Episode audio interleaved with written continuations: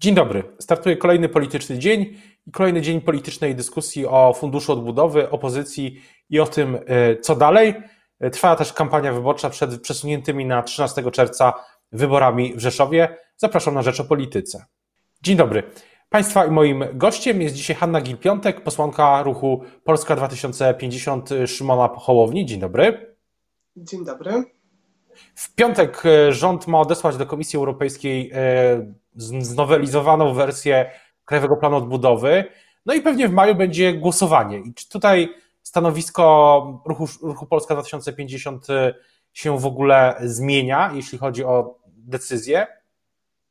Jeśli chodzi o decyzję wobec Krajowego Planu Odbudowy, wobec, no, nasze stanowisko jest niezmienne. Rząd powinien wprowadzić do tego e, planu nasze uwagi, które e, chcę przypomnieć, Polska 2050 złożyła E, jako pierwsza. Tutaj też Lewica później złożyła jako klub parlamentarny swoje uwagi, natomiast e, rzeczywiście e, poza nami i lewicą tych konkretnych merytorycznych uwag nikt nie złożył. Z tym, że z taką różnicą, panie redaktorze, że my składaliśmy te uwagi tak, jak każdy obywatel mógł, drogą oficjalną. Staraliśmy się zwiększyć udział samorządów, staraliśmy się przede wszystkim położyć większy nacisk na E, sprawy klimatyczne i ekologiczne, e, jak również po prostu poprawić kontrolę nad tymi pieniędzmi, tak żeby e, również prywatne podmioty, a nie tylko spółki Skarbu Państwa miały dostęp do tych pieniędzy, tak żeby nasza gospodarka mogła rozwijać się harmonijnie.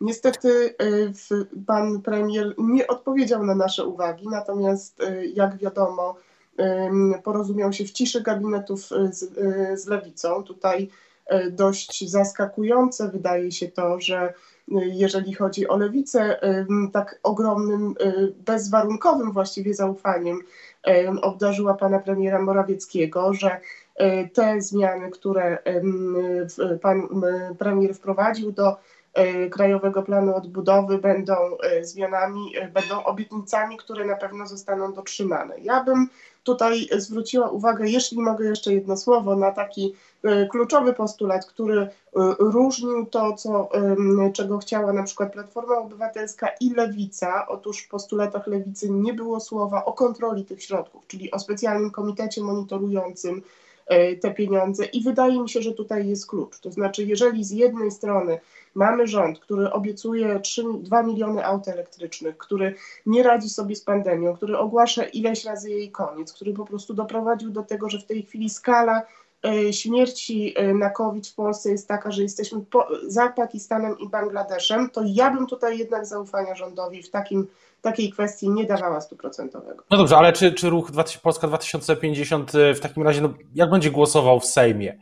Czy, czy tu jest jakaś zmiana? W Sejmie głosowany jest fundusz odbudowy, w Sejmie głosowana jest ratyfikacja umowy, która, na podstawie której dostaniemy pieniądze na realizację e, programu e, z Funduszu Odbudowy. To są pieniądze, na które czeka cała Europa. Ponad pół miliarda Europejczyków czeka w tej chwili we wszystkich krajach e, na te pieniądze.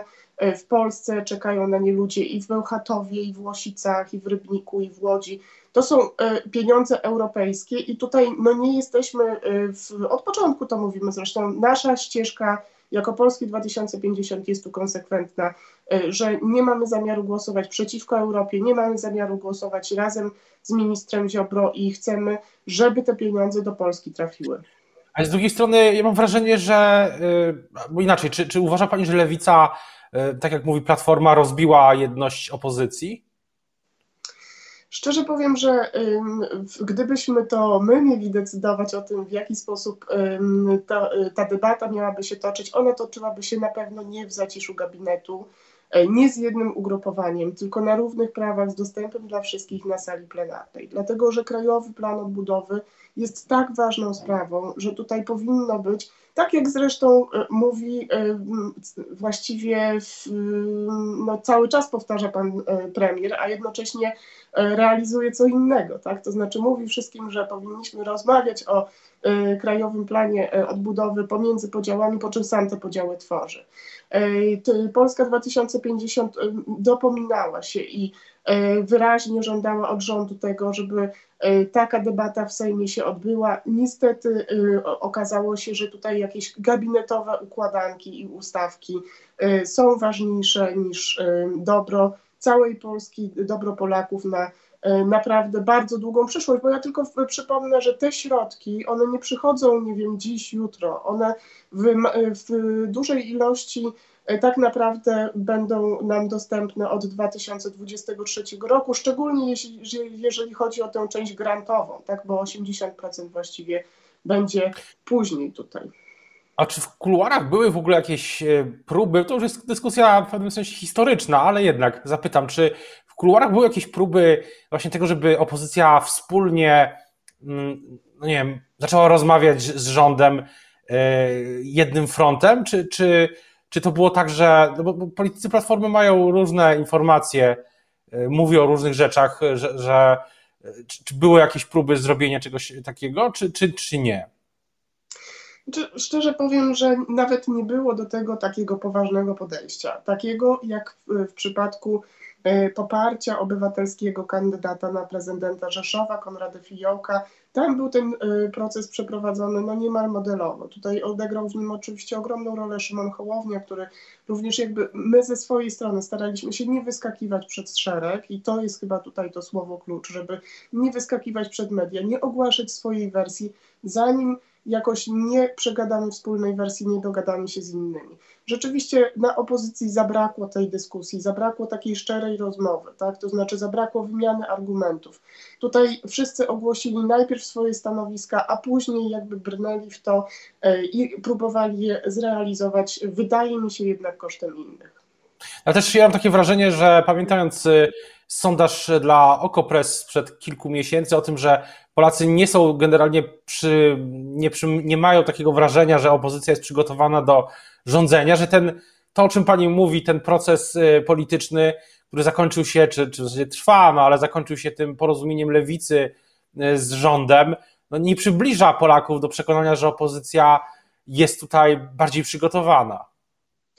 E, panie redaktorze, nie e, patrząc już tutaj na argumenty merytoryczne, no bo Rzeczpospolita opublikowała sondaż, na podstawie którego wiemy, że większość Polaków jest jednak za poparciem przez opozycję Funduszu Odbudowy, to jakby odkładając na bok merytorykę, jeżeli chodzi o techniczne wykonanie tej sprawy, to rzeczywiście nie wróży to dobrze na przyszłość przyszłej, ewentualnej przyszłej koalicji rządzącej i tutaj jeszcze jako opozycja mamy wiele do nadrobienia.